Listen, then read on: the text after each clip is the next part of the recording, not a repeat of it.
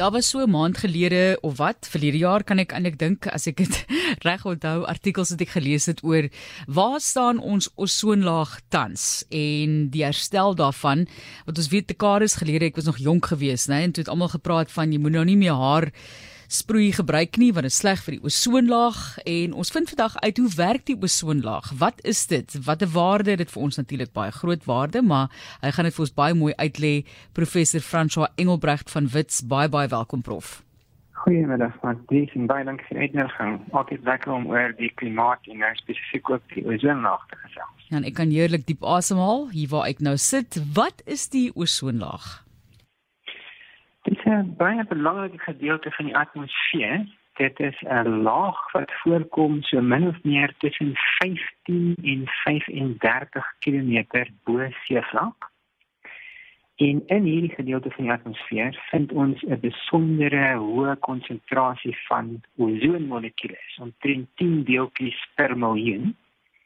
Hier aan die oppervlak waar ons leef, is daar net omtrent so 0.3 deeltjies ozon per miljoen deeltjies. So dit is nog steeds eintlik baie min as ons dink 10 uit 'n miljoen deeltjies, maar dit is a, dit is so belangrik en um, daardie hoë relatiewe hoë konsentrasie hoog oor die oppervlak van die aarde omdat hierdie ozon molekules die belangrike eienskap het dat dit die ultraviolet sonlig en um, ultraviolet komponent van sonlig absorbeer.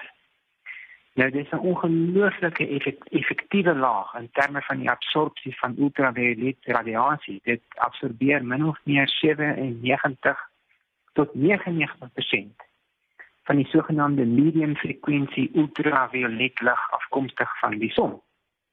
En as dit nie vir hierdie ozonlaag was nie, het al hierdie ultraviolet radiasie die oppervlak van die aarde bereik en dit sou lewe aan die oppervlak byna onmoontlik gemaak het. So ons word beskerm deur hierdie ozonlaag. En ehm um, jy het nou genoem van jare gelede in 1980 80 natuurlik dat daar hierdie groot bekommernis oor die ozonlaag wat al hoe dunner begin word het en die sogenaamde gat wat in die ozonlaag ontdek is. Nou voordat ek miskien 'n bietjie praat oor wat hoe dit nou al gebeur het, kan ek miskien net noem dat ehm um, die groot gevaar vir ons as mense is natuurlik dat hierdie ultraviolet lig, ultraviolet radiasie van die son velkanker veroorsaak. So min of meer 90% van alle velkankergevalle kan toegeskryf word aan ons as mense wat blootgestel word, te veel blootgestel word aan die ultraviolet radiasie van die son. En as dit Afrikaners dink ek ons is daarom baie bewus hiervan. So ons weet almal ons moet probeer om ons blootstelling op ehm um, aan aan hierdie direkte sondag veral rondom die middel van die dag so ver as moontlik vermy. Ons weet ons moet sonblok gebruik, ons weet ons moet beskerm beskermende klere dra veral in ons ehm um, Suid-Afrikaanse somers. So ek dink die bewustheid rondom hierdie gevare van blootstelling aan ultraviolet lig is dan al baie beter as wat dit was in die 80s of selfs in die 90s. Maar uh, dit is vir ons miskien ons nommer 1 rede hoekom die sondag so belangrik is, is dat dit ons beskerm. Dit dit dit absorbeer, soos ek genoem het, 97 tot 99% van die skadelike ultraviolet radiasie. Nou, uh, net om die laaste gedeelte van die vraag te, te antwoord en uh, te verduidelik wat hoekom die hoekom daar 'n stadium vir hierdie groot bekommernis was vir die sondag, is dat wetenskaplikes van die Britse Antarktiese verkenning het so teen die mid-1980s ontdek dat die ozonlaag op 'n kommerwekkende teen 'n kommerwekkende tempo aan die verdun is. En baie was die ozonkonsentrasies so min bo Antarktika dat ons daarna kon verwys as 'n gat in die ozonlaag. En dit beteken groot hoeveelhede van hierdie ultraviolet ultraviolet radiasie kon aan die oppervlak bereik en 'n uh, reeks nadelige gevolge hê, beginnende met selkanker in mense. En die wetenskap het vinnig in die werk gespring en die oorsaak van die probleem is redelik vinnig vasgestel. En baie van ons ouer luister, ouer luisteraars sal dit baie goed onthou. Die ontdekking is gemaak dat dit sekere gasse is wat gebruik is in baie spesifieke industrie, naamlik aerosolkannetjies en yskaste, die sogenaamde klorofluorokarbonaatgasse en die hidrofluorokarbonaatgasse.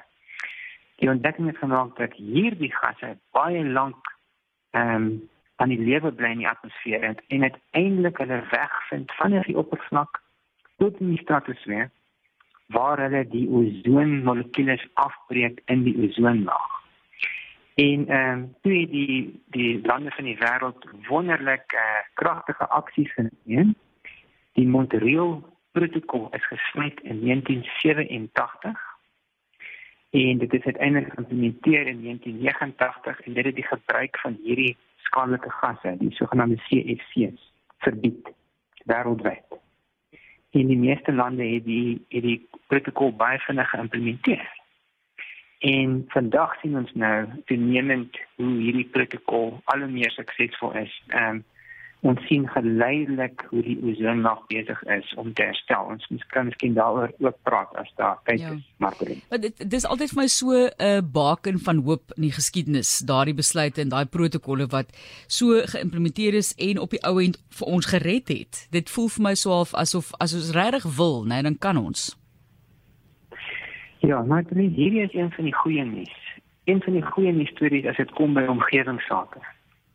Dit is moet altyd baie lekker is om te praat oor die ozonlaag wat nou besig is om te herstel. Ehm um, so ek wil tog ook 'n uh, kwalifikasie gee wat jy nou net gesê het op hierdie goeie nuus storie. En voor ek dit doen, sal ek miskien net aan die luisteraars noem dat die verwagting nou is dat die ozonlaag in groot gedeeltes van die wêreld dalk heeltemal herstel kan wees in terme van sy natuurlike konsentrasies so teen die laat 2040s. Oor die pole gaan dit langer neem, die skade is groter daar en daar's ook natuurlike prosesse wat gereeld weer die ozonlaag vergroot. Uh onder andere groot vulkaniese uitbarstings. Maar in die poolgebiede, spesifiek ook bo Antarktika, behoort die ozonlaag volkome herstel te wees so teen die middel 2060s. Dit is die huidige projeksie. So al die skade wat die mens gedoen het, kan in hierdie geval weer herstel word. Maar as ons nou vergelyk hierdie probleem van ozonverdinging en die gat in die ozonlaag wat die mens suksesvol aangepak het en inskenbaar die oplossing gevind het en geïmplementeer het. As mens dit nou vergelyk met die probleem van globale verwarming en klimaatsverandering wat veroorsaak word deur die kweekhuisgasse wat toenemend aan die atmosfeer en konsentrasie aan die toeneem is, dan moet ons ook besef hierdie twee probleme is baie verskillend om aan te spreek. In die geval van die klorofluorokarbonaatgasse, as hulle gebruik baie beperk in baie spesifieke industrieë, en daar was goedkoop alternatiewe beskikbaar. En die industrie kon eintlik redelik maklik die oorgang maak na alternatiewe prosesse.